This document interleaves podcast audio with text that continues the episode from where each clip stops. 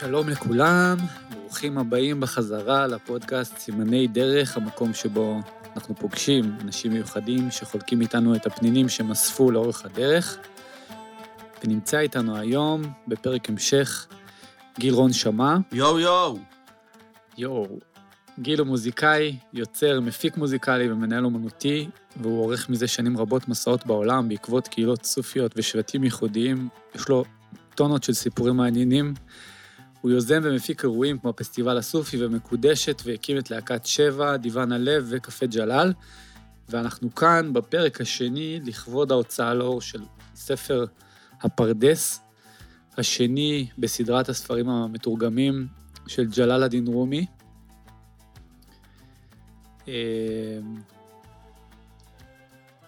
יש את השיר המדהים של רומי, בוא בוא אל הפרדס. זה בעצם הספר הזה הוא הזמנה להיכנס אל תוך המרחב הזה של דמיון מקודש, מרחב של יצירתיות, מרחב של השראה, מרחב של לחיות את האומנות ולהיות אומן בחיים. ליצור מהחיים, מכל יום, מכל רגע, את מלוא נפח ההשראה והנוכחות כדי לחיות חיים בריאים, חיים מאושרים, חיים מלאים. אה, בתוך הפרדס הזה שאנחנו מזמינים אליו אין שעמום, והעצבות היא בעצם כלי, כוס ליין, ליין שממנו אנחנו משתכרים, והיין הוא היצירתיות. תגיד, אתה חושב שכולם יכולים להיות אומנים? וואלה, לאחרונה קראתי מחקר שגילו משלדים אה, קדומים אה, מלפני עשרות אלפי שנים ועד ימינו, שישנו גן מסוים אצל אומנים. זאת אומרת, זה על גבול, אני קורא לזה הפרעה מסוימת. זה מגיע מתקופות קדומות שבעצם האומן היה, האומנות השתכנה אצל השאמן, שאחד הסממנים שהוא היה חי מחוץ לשבט. והוא היה, גם כשהשבט היה יושב, עונות מסוימות הוא היה ממשיך לנדוד, או מסביב הטריטוריה של השבט, או עורך מסעות ארוכים אל תוך השלג, ליערות, למדבריות. אז בעצם באיזשהו מקום, האומן המודרני הוא איזשהו גלגול של השאמן. לא כל אחד רוצה ויכול להיות שאמן, כי אתה צריך לוותר על המון אה, דברים שכרוכים בחיי היום-יום, לפעמים אפילו על... Uh, אלמנטים בסיסיים כמו חיי משפחה או, או פרנסה או מלאכה. נכון. ככה שחיי אומנות, אני לא חושב שכל אחד יכול, בייחוד לא בעת המודרנית, שהיא, שהיא חלק מהמודרנה, היא דוגלת באיזושהי ריצה, מה שנקרא מרוץ העכברים, אחרי מספרים וחומר, אבל כל אחד יכול לעסוק באומנות, וכל אחד יכול להיות יצירתי, וליצור, אבל לא כל אחד יכול באמת אה, לעמוד במטלה והעומס הנפשי ש, שחיי אומן דורשים ממך, לקום בבוקר, להתאמן ולהיות נאמן אה, למלאכה הזאת הספציפית, אם זה מוזיקה, אם זה שירה, אם זה תרגום, אם זה משחק. אה, זה דורש איזה משמעת פנימית, נכון? זה דורש המון דברים פנימיים, אחד מהם זה משמעת. אבל זה לא משמעת רגילה, כמו לא משמעת בצבא, שאתה... לא, לא, לא. קם לא. בבוקר בשש... זה משמעת שהיא חייבת להיות, זה נקרא משמעת נוצה. היא חייבת להיות ברוך מסוים כדי שההשראה לא תיפגע. כי אם אתה מתנהל ומנהל את עצמך ב, ב, באלימות, אה, באגרסיביות, אז ההשראה לא מתעוררת. חייבת להיות שם חמדה, חייבת, חייב להיות גירוי מסוים. אהבתי את זה, השראת נוצ... אה, משמעת נוצה. משמעת נוצה. אתה כן צריך להיות נוכח, אתה כן צריך להכין. יש כל מיני דברים פשוטים. לדוגמה, אני בנושא הכתיבה, אז מאוד מגרה אותי העט וסוג הדפים והמחברת. זאת אומרת, אני יודע להרים על העצלות שלי ועל השכחה ועל הנטייה לדחיינות הכפייתית שלי, אני יודע להרים עליהם אה, עם, ה, עם סוג הדף שאני כותב, כאילו הגירויים הבסיסיים, עושה לעצמי קפה, עולה למעלה, מנקה את השולחן, עושה כל מיני פעולות שמגרות אותי, את הנפש שלי ליצור. אה, ככה גם בנגינה. אצלי הנגינה, הרבה פעמים, יש אנשים שהם מאוד אה, מיומנים בלנגן לבד, להתאמן בחדר. אצלי זה לא, אצלי זה מאוד מאוד תלוי את מי אני מזמין. אה, הגירוי שלי הוא בעצם החומר האנושי, במרכאות. ההשראה שאני מקבל מהאדם שיושב מולי, ולכן תמיד אתה יכול לראות שבלהקות שלי אני מנגן עם מאסטרים גדולים, כמו אמיר שעשר, כמו עידן הרמוני, כמו יאיר צברי, כמו ישי אפטרמן. יש הרבה, הלהקות כן. שלך גדולות יחסית. נכון, עשירות. כדי לקבל השראה, כמו בימי הנביאים. הנביא היה מקבל השראה מנגנים. המיומנות שלהם והדבקות שלהם, ומשהו בנפש שמוותר על מרחבים מחיי היום-יום והתאוות, ובוחר להתאמן ולהקדיש את עצמך לנגינה ולאומנות, הוא מעורר השראה גדולה אצלי. אני מוצא את מה שאמרת מאוד מעניין. אני חושב שלהרבה אנשים אה, יש איזו אשליה שאצל אומנים ההשראה והיצירה באה בקלות, שהם פשוט קמים בבוקר וככה לוקחים את הדף וזה יוצא, או לוקחים את הכלי נגינה ונכתב להם השיר. ו... תראה, אומ- אה, השראה יכולה להגיע בקלות אה, במהלך טיול של חצי שנה, או בהתאהבות של חודשיים, אבל אה, כעבור תקופה מסוימת, בטח ש-30 שנה אני יוצר, זה לא יכול להיות דבר שמתעורר אה, מריגוש. כי אתה לא יכול לחיות, אתה יודע, בגלל זה הרבה אומנים שלא בנו את עצמם נכון, מתים בגיל צעיר, כי הם בונים את ההשראה ואת הנגישות שלהם אל הפרדס ואל הבאר של היצירה, הם בונים מריגוש. זה לא יכול לבוא מריגוש רק. בטח שלא מריגוש מדברים גדולים, כמו הופעה ענקית. או לא מסמים ואלכוהול, אה, שגם, או מסקס, זה דברים שיכולים לעורר השראה, אבל אתה לא יכול לבנות חיי יצירה על מוטיבים חיצוניים. זה חייב לבוא מבפנים, וחייבים לאלף את ההשראה. אי אפשר לחכות רק שהיא תנחת עליך כמו איזה טל בראשית השחר, או קרן אור צפרירים כשהיום נולד. זה לא יכול לקרות, אתה חייב לאמן את ההשראה, שתהיה כמו חיית בר שאתה מביית אותה, ובכל פעם שאתה צריך אה, אותה, אתה קורא לה והיא באה. איך אתה קורא לה והיא באה? אתה לומד את אומנות הפיתוי והחיזור, ואתה מחזר אחרי בעצם תכלית הנפש שלך. החיזור הזה יוצר את חייך כאומן, זה בעצם ההתמרה של נרקסיזם.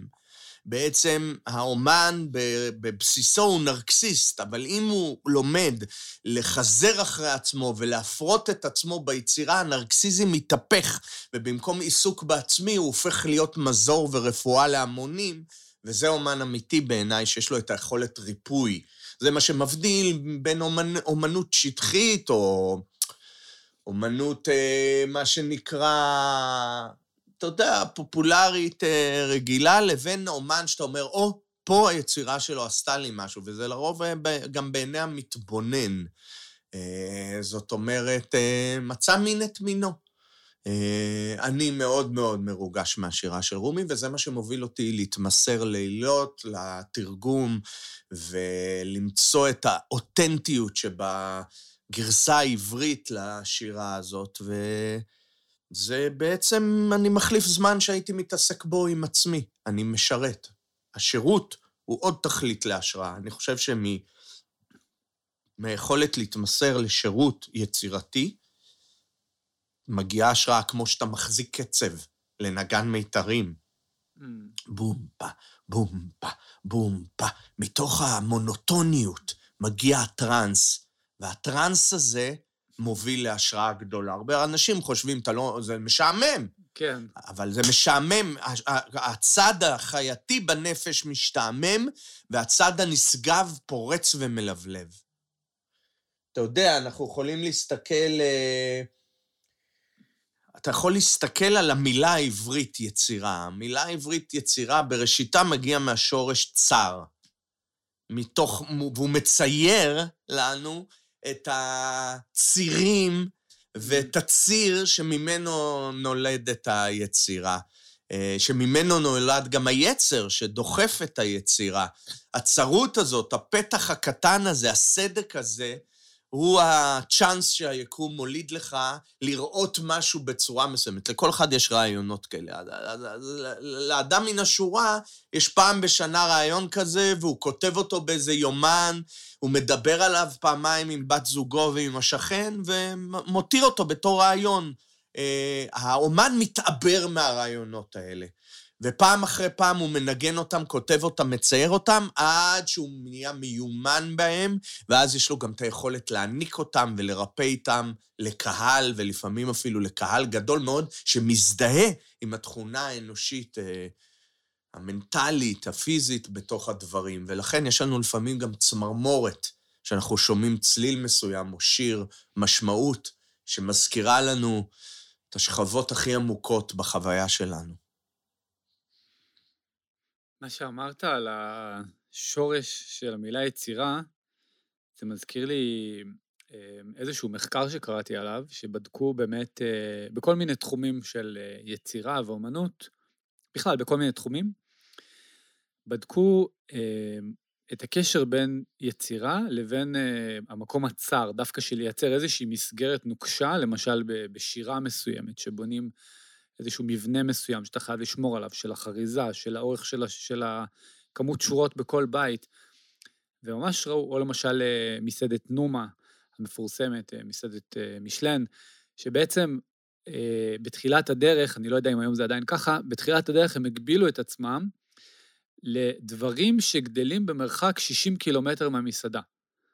והם היו צריכים ללכת ליער ולחפש כל מיני פטריות וכל מיני דברים, וכל ומתוך זה הם מצאו את האושר ואת הייחודיות, דווקא מזה שהם הגבילו את עצמם, הם לא אמרו לעצמם כל העולם, ומה שהם הסבירו שם זה שהמוח שלנו, כשיש לו מרחב גדול מדי, כלומר, אם עכשיו נגיד למישהו, טוב, תכתוב על כל דבר שהוא בעולם, מה שאתה רוצה, יש לך את כל חומרי היצירה, את כל... אז הוא נאבד. דווקא כשאנחנו יוצרים איזה מרחב צר, וזה, אה, אני מתחבר למה שתיארת, זה חשוב, מעניין אותי גם לשמוע אם באמת מהחוויה שלך זה ככה של...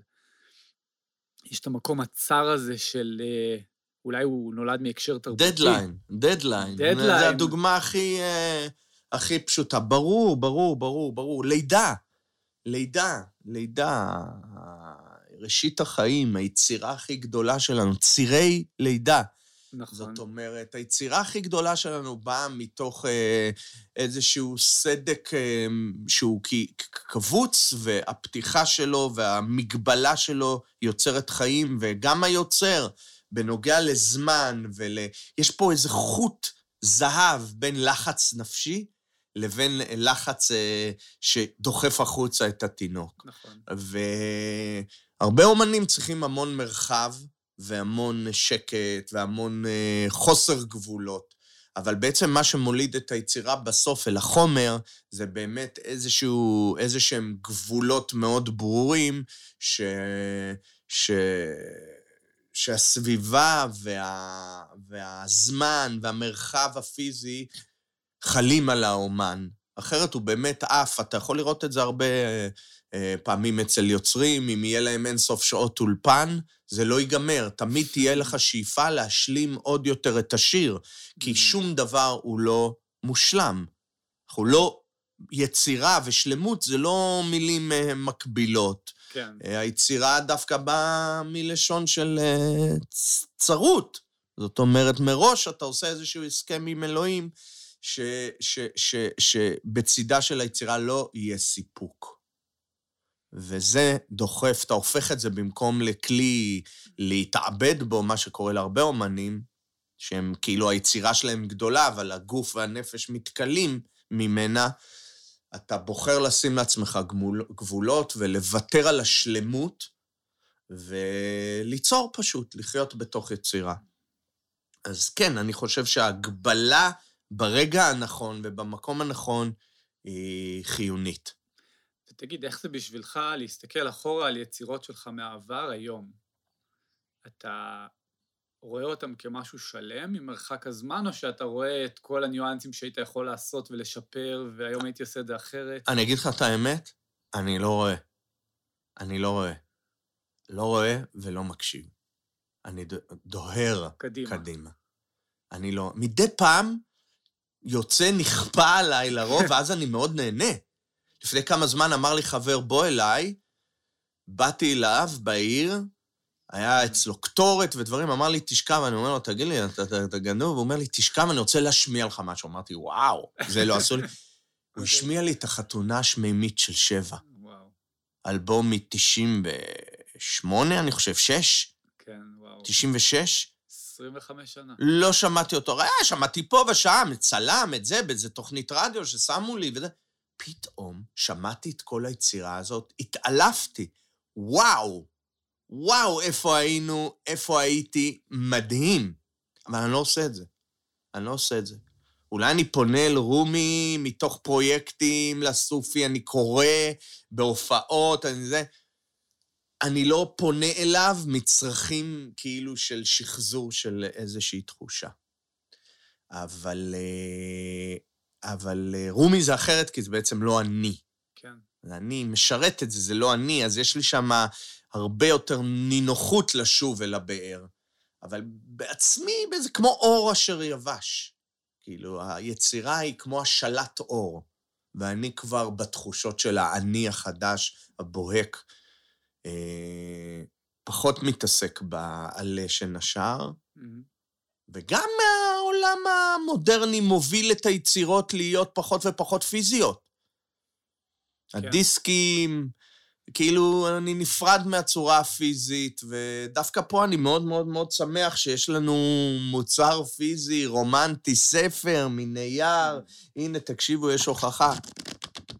לדפדף, להריח את הנייר ולצאת איתו למסע. הנה, עכשיו אני יוצא למסע, אני הולך לקחת איתי את הספרים, אני הולך לקרוא לטיילים, ו... ו... וזה כיף, כיף ש... שיש, אה, שיש לי את זה. גם לשרת יצירה של מישהו אחר, שאני מרגיש מאוד טוב לשוב אליה. גם בכוונה עשינו אותם קטנים, שייכנסו בתיק, באמת סיפרו לנו כל מיני נשים עם אה, תיקים קטנים שהן נוהגות אה, לשאת את הספרים בתוך התיק. וככה. כן, ולקרוא בהם, להשתמש ככלי יומיומי. זה אחד התפקידים החשובים ביותר של היצירה. אם אתה מגיע עם יצירה שלך לזה שהיא הופכת להיות כלי יומיומי, כמו משקפיים, כמו אקמול, כמו אה, ברז, עשית את זה. שיחקת אותה, יש שימוש. נכון.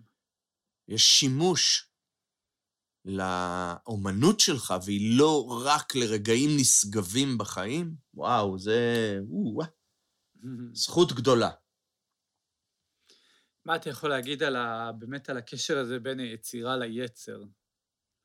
וואו, יש פה, יש פה ריקוד מאוד מאוד... אה, ריקוד שהוא גם, גם מחול, אבל הוא גם קרב. ה...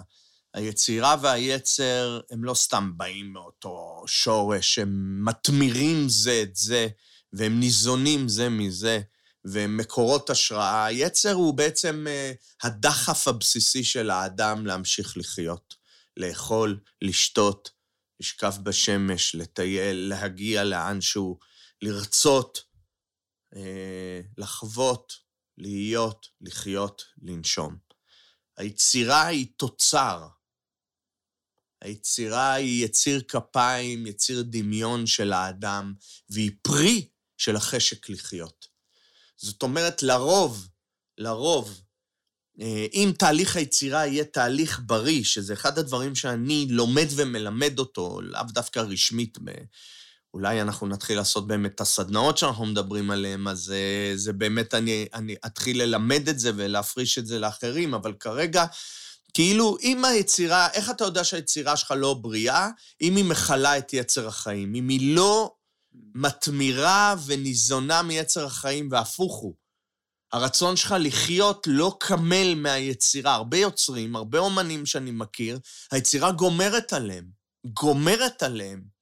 כי הם פונים אל המשאבים הלא נכונים, והם פועלים מתוך מאמץ. כמו הפקת צליל. שאתה לומד איך להפיק צליל ללא מאמץ, ואתה לא מצטרד. אותו דבר, כל כלי אומנותי אחר, אם הוא לא דורש מאמץ, הוא אותנטי. הוא, הוא מעורר בך הזדהות. לאו דווקא הרמה, אתה יודע, הרבה פעמים אומנים חושבים שהרמה הטכנולוגית של הנגינה או הציור היא זו שגורמת להם להיות אומן מצליח וטוב. לא. רמת ההזדהות האנושית שאתה מעורר ביצירה שלך, היא זו שגורמת לך להצליח. זאת אומרת, יכול להיות צייר שימרח צבע לבן על, אה, על הקנאביס, קנבס, ויצייר נקודה אדומה, ואלפים יזדהו איתה, ויש אדם שיצייר ההורמונות ואף אחד לא יזדהה איתה. נכון. זאת לא הרמה הטכנית ולא צורת ההגשה, אם כי הנוכחות ברגע של היצירה ושל ההגשה אותה.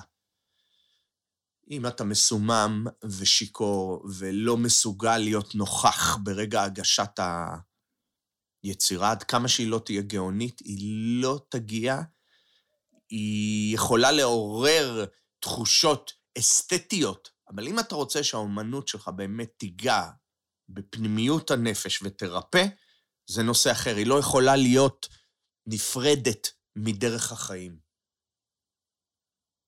היא לא יכולה להיות נפרדת מחשק העמוק של האדם לחיות. היא חייבת להיות אחת, וכאן אנחנו מגיעים לתכלית של אומנות ורוח. אז מהי, מהי התכלית של האומנות והרוח? שהדברים חייבים לגוע באחד, הם חייבים לשקף זה את זה. אתה לא יכול להיות אדם דורסני ולשיר על אהבה, כי זה בסופו של דבר הפרוכת תוסר מעל ה... נכון. מעל ה... הפרגוד יוסר ומעל הסודות שלך, הסודות מתגלים, מחר הצף. כאילו, אם אתה רוצה באמת אה, להיות אה, מזור ולגוע בנפשם של אנשים, אתה חייב אה, להתאמן על, בעצמך להיות אה, בריא. וההשראה והיצירה נמצאות במקום שנעים להם, יש להם גם חיות משל עצמם. הנועם הזה הוא גם כרוך במשמעת, בניקיון, בסדר, בנוכחות, בהקשבה. במשמעת, אבל לא בלחץ נפשי. לוקח לזה שנים לאומן אה, להכשיר את עצמו, ליצור לו מלחץ ולא מסיגוף. לא מסיגוף. הרבה פעמים, כמו בדרך הרוחנית, בדתות, כן. יש את החסיד ויש את הסגפן. יש את זה שרוקד ושר ומגיע לאלוהים, ויש את זה שמכה את עצמו בשוט ומסמירים וגחלים. Mm. ככה גם באומנות, האומנות היא מקבילה. יש את האומנים המיוסרים, ששותים אה, וודקה בפינת החדר האפלה ויוצא להם שיר, וסוחטים את הגוף והנפש בשביל האומנות, ויש את האומנים שחוגגים ורוקדים ועושים טוב לזולת, ונולדת להם השראה מזה. אני מעדיף את זה, אני מעדיף להיות כן. בריא ולא לסחוט את המכונה שלי. לכן אני עורך גם מסעות ומטייל וחי חיי אה, חברה ומשפחה עשירים, ולא לא מזין את, ה, את, את, את הדאונים שלי, לא, כן. לא משתמש בהם ככלי יצירה. גמרתי עם זה איפשהו בשנות ה-20 שלי. זה מאוד קוסם. כן, ברור. להשתמש אבל... באפלה כדי לרקוד. כן, אבל באמת זה, זה לא בר קיימא, אנחנו רואים את זה. ש... לא, זה לא מחזיק לאורך בדיוק. שנים. בדיוק. זה לא מקצוע. כן. זה בדיוק. רגע של הערה וזהו. המקצוע דורש ממך... כי באמת, אם מסתכלים על יוצרים, אז אין הרבה שמצליחים להחזיק לאורך זמן ולהיות רלוונטיים ולהשתנות. להיות רלוונטיים, להיות עדכניים לתקופה. כן. שציפ, כמו שתיארת מקודם, שהיצירה בעצם ניזונה מתוך החיים, מתוך התקופה שמה שעשית לפני 20 שנה, הוא היום כבר לא, לא, זאת לא היצירה העדכנית היום. כן. האומן, האומן הוא משול לאדם שעומד על סלע בים, על שפת ים, וזורק אבן למים. אם הוא יקשור את עצמו לאבן, הוא יטבע איתה. Mm-hmm. אם הוא יתרכז באדוות והגלים שהוא יצר, ויגלוש שלם אל לב הים או אל החופים האחרים, אל המחר, הוא יזכה ביכולת להתחדש. אבל אם הוא יאחז באבן, היצירה שעשיתי, היצירה שעשיתי, הוא ישקע גם אם היצירה תצליח. יש פה סכיזופרניה מטורפת בין היוצר ליצירתו. Mm-hmm. זה כמו שג'וברן חליל ג'וברן אומר על ילדיכם אינם ילדיכם, הם חץ שלוח אל מחר שלא תדעו. אתם הקשת, הם החץ. אותו דבר היצירות. שבע, דיואן הלב, קפה ג'לאל. הספרים שלי, היצירות שלי, זה לא אני. זה נובע ממני, זה כלי שלי לעבוד מולי, אבל זה לא אני. אני הוא זה שיתעורר מחר. זה החצים. ו- ו- וילך אל מחר טוב יותר, בריא יותר, משוחרר גם ממה שיצרתי, כי אתה יכול ליצור לעצמך כלא. נכון. כלא, מין תחושת נאמנות בדויה, אל, אל חומר ואל אל, אל מסגרת שהיא כבר לא נכונה לך. איך תדע? איך תדע? איך תדע? אז איך יודעים? איך תדע? בוא, בוא נחזור לרומי. אוקיי. רומי לא ידע. הוא לא ידע. עד שהגיע שמס טבריזי, החבר, האורח. אחת התכונות של אורח שאתה לא יודע מי בא. אתה לא יודע מה הוא מביא. באת הנה עם המיקרופונים, צלצלת אליי עוד פודקאסט לפני שאתה נוסע להודו, בוא נעשה, בוא נמצא. בום, הגעת. אני יכולתי לנחש שאנחנו נשב ברגע כזה מול מראה שנוצרה ממילים ואינטימיות בין שני בני אדם, ונדבר על הנקודות הכי מהותיות שיכולנו לשלם אלפי שקלים לפסיכולוגים עד שנגיע לרגע הזה שאנחנו מדברים על איך לא לכבול את עצמנו אל מעשה ידינו? זה נקודה קריטית בחיי האומן. לא היינו מגיעים אם לא היית בא אליי היום, וזה לא היה קורה אם לא הייתי פותח את הדלת ומעז ליצור. ישנו ריגוש גדול וסוד גדול בלקבל את הלא ידוע, ולנוע אליו בשחרור, ולהתנהל בתוך הלא ידוע מציף את כל הכלים שקיימים בנו, שאנחנו לא מודעים להם.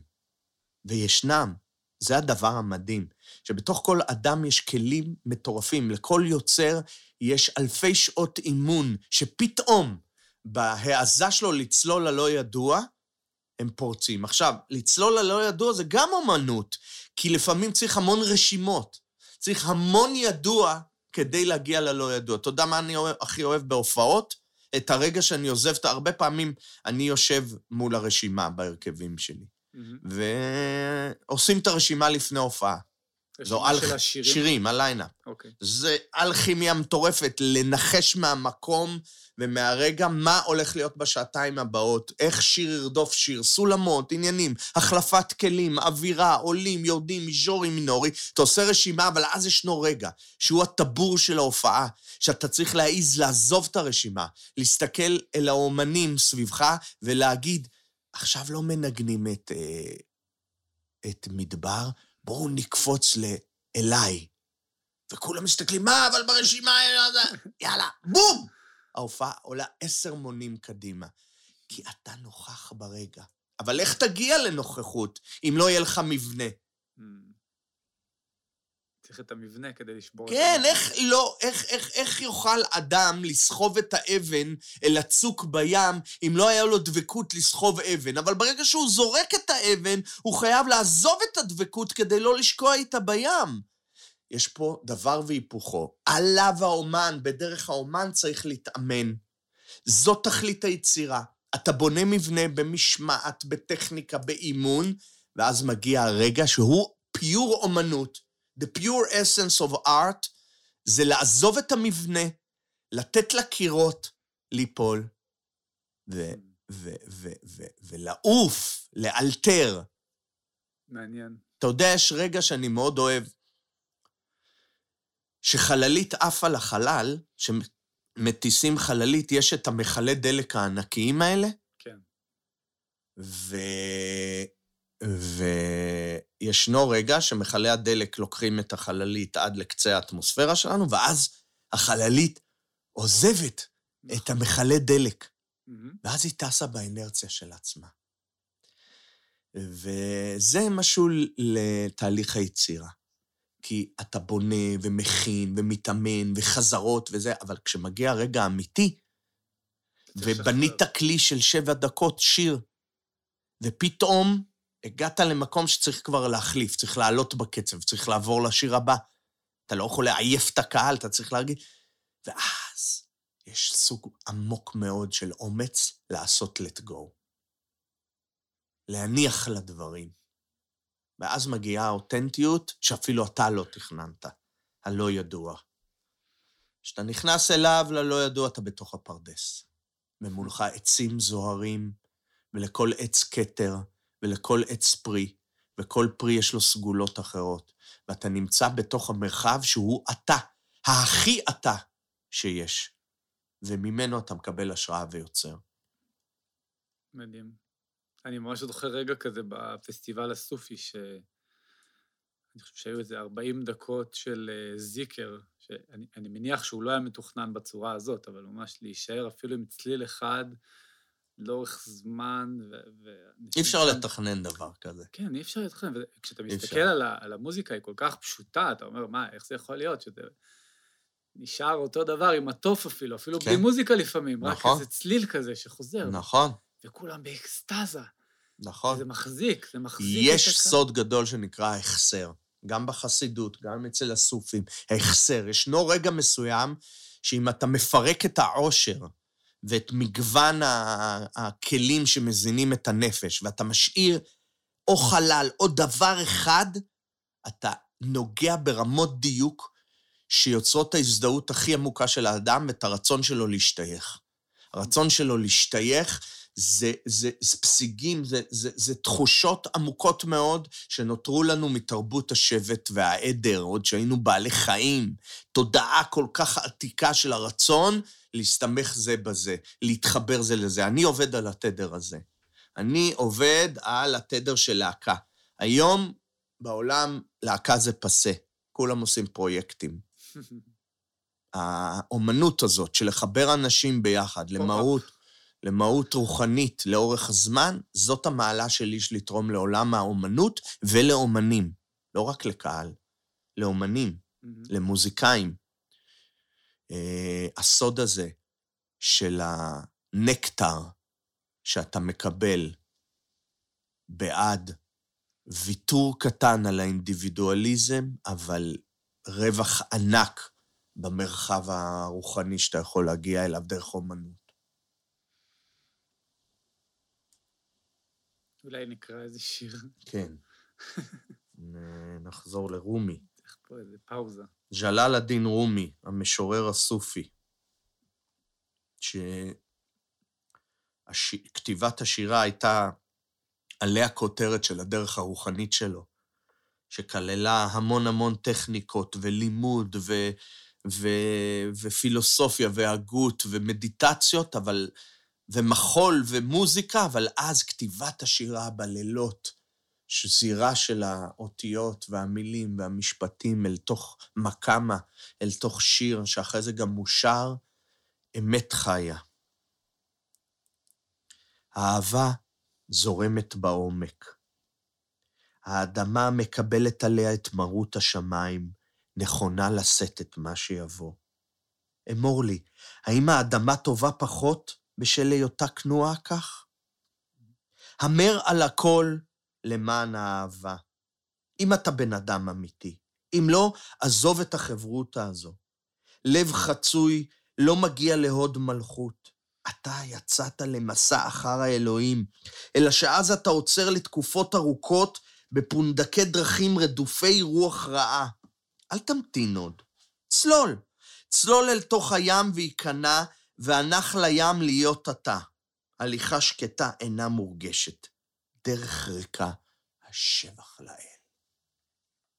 אני, אתה, הוא, היא, אנחנו.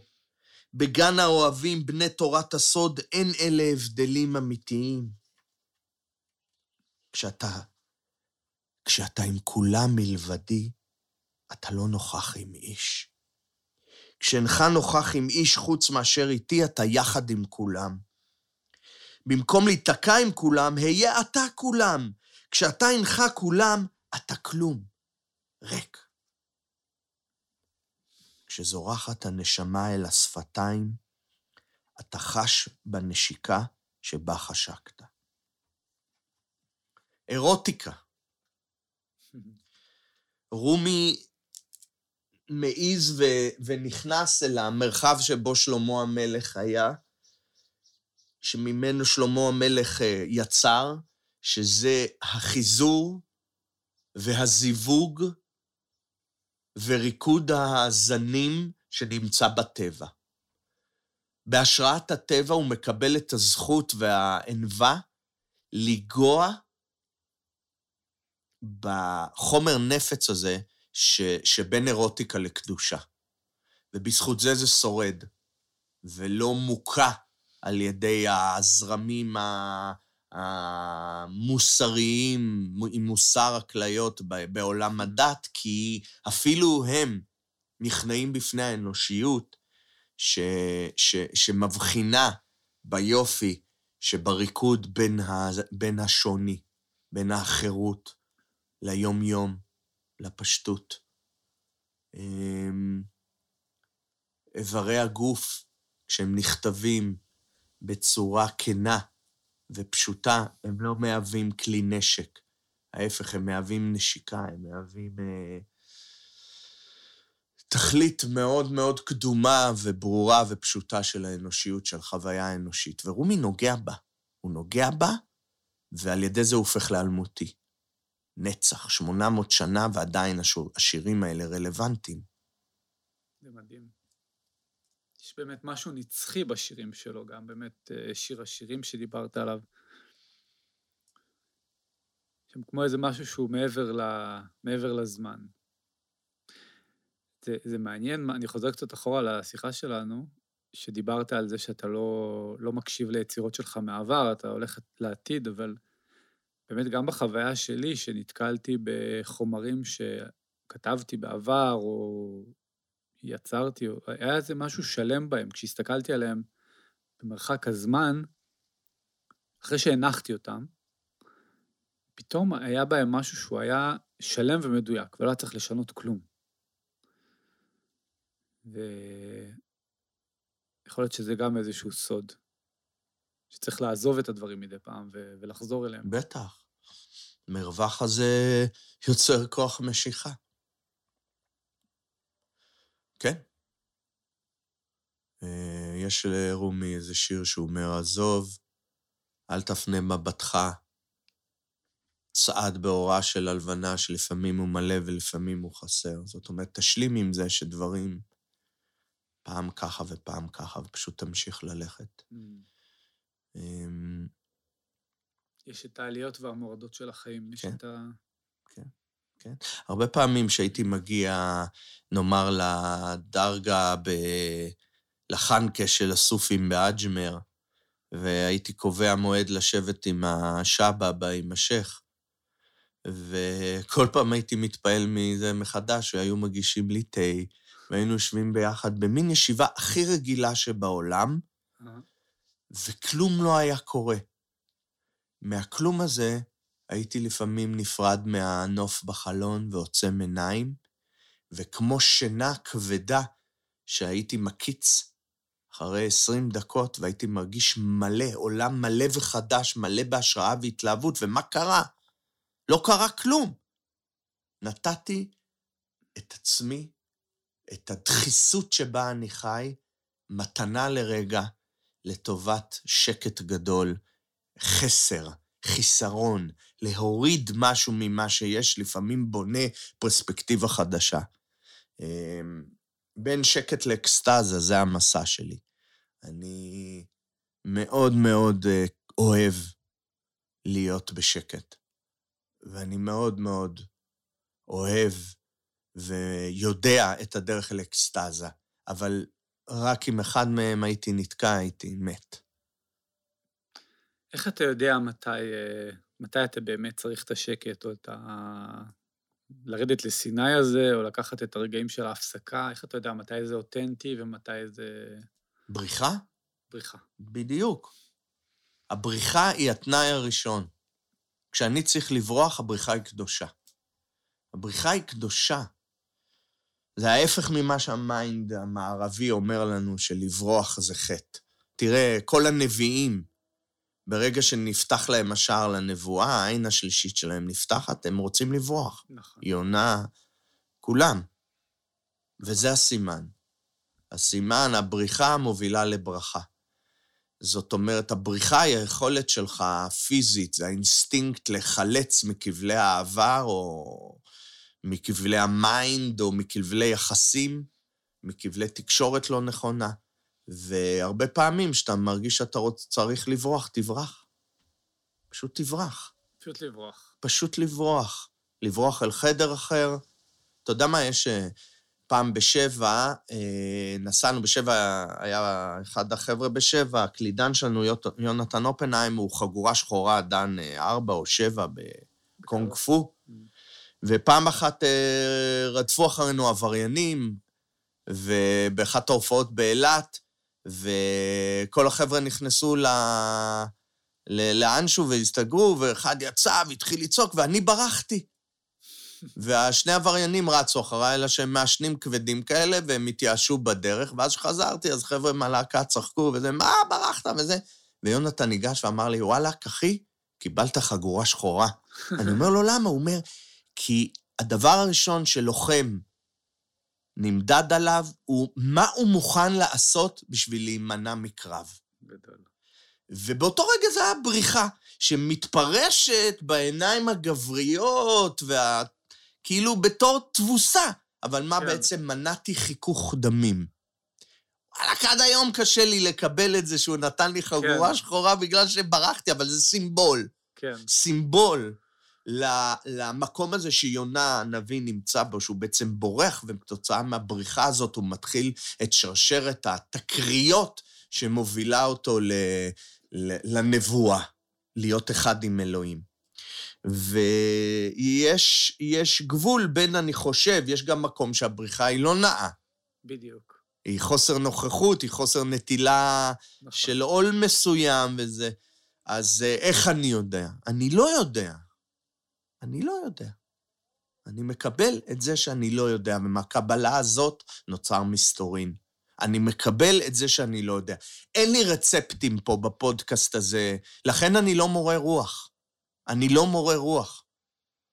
אני מכבד מורה רוח, הרבה פעמים אני נושך בירחם נשיכת חמור, שזה יכול להיראות כחוסר כבוד, אבל לא, אני, אני מאתגר, אני חוקר, אני לא מורה רוח. אני לא מורה.